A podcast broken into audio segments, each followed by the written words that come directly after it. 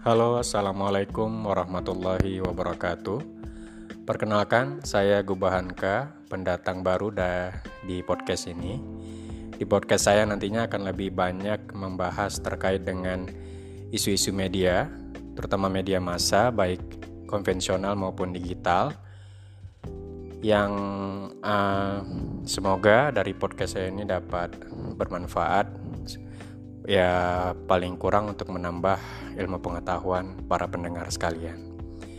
Baik untuk podcast perdana saya, saya akan membahas terkait dengan Ferdian Paleka dan masih buruknya konten YouTube kita.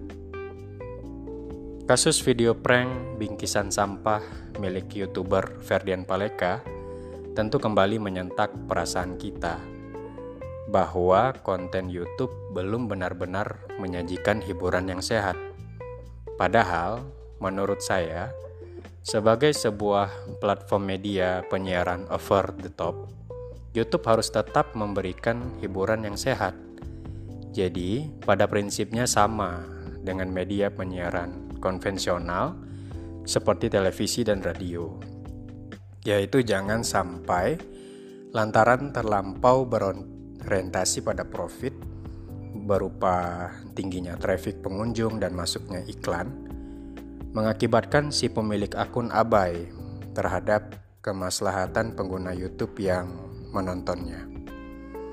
Ingat, video tersebut tetap akan memberikan pengaruh yang buruk bagi para penontonnya dalam skala yang paling moderat, terutama terhadap anak-anak dan remaja yang juga memiliki tingkat peniruan yang masih sangat tinggi.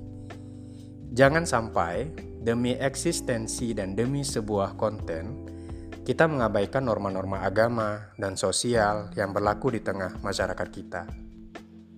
Saya pikir kita perlu merumuskan aturan yang adil dalam media penyiaran baru ini, seiring dengan perkembangan era digital seperti sekarang ini sehingga mekanisme pelanggaran yang terjadi tidak hanya berbasis pelaporan pidana UU ITE kepada pihak berwajib, melainkan juga para pemilik akun juga memiliki semacam buku putih tentang apa yang boleh dan tidak boleh untuk dipublish.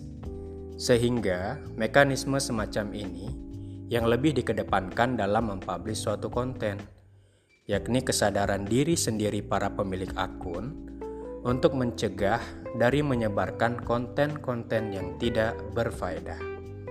Setidaknya, ada beberapa pelanggaran isi siaran yang kerap kali saya temui di YouTube, seperti muatan siaran terkait judi, tidak memberikan perlindungan kepada orang dan kelompok masyarakat tertentu, muatan seksual, muatan terkait hak privasi dan menampilkan makian serta kata-kata kasar.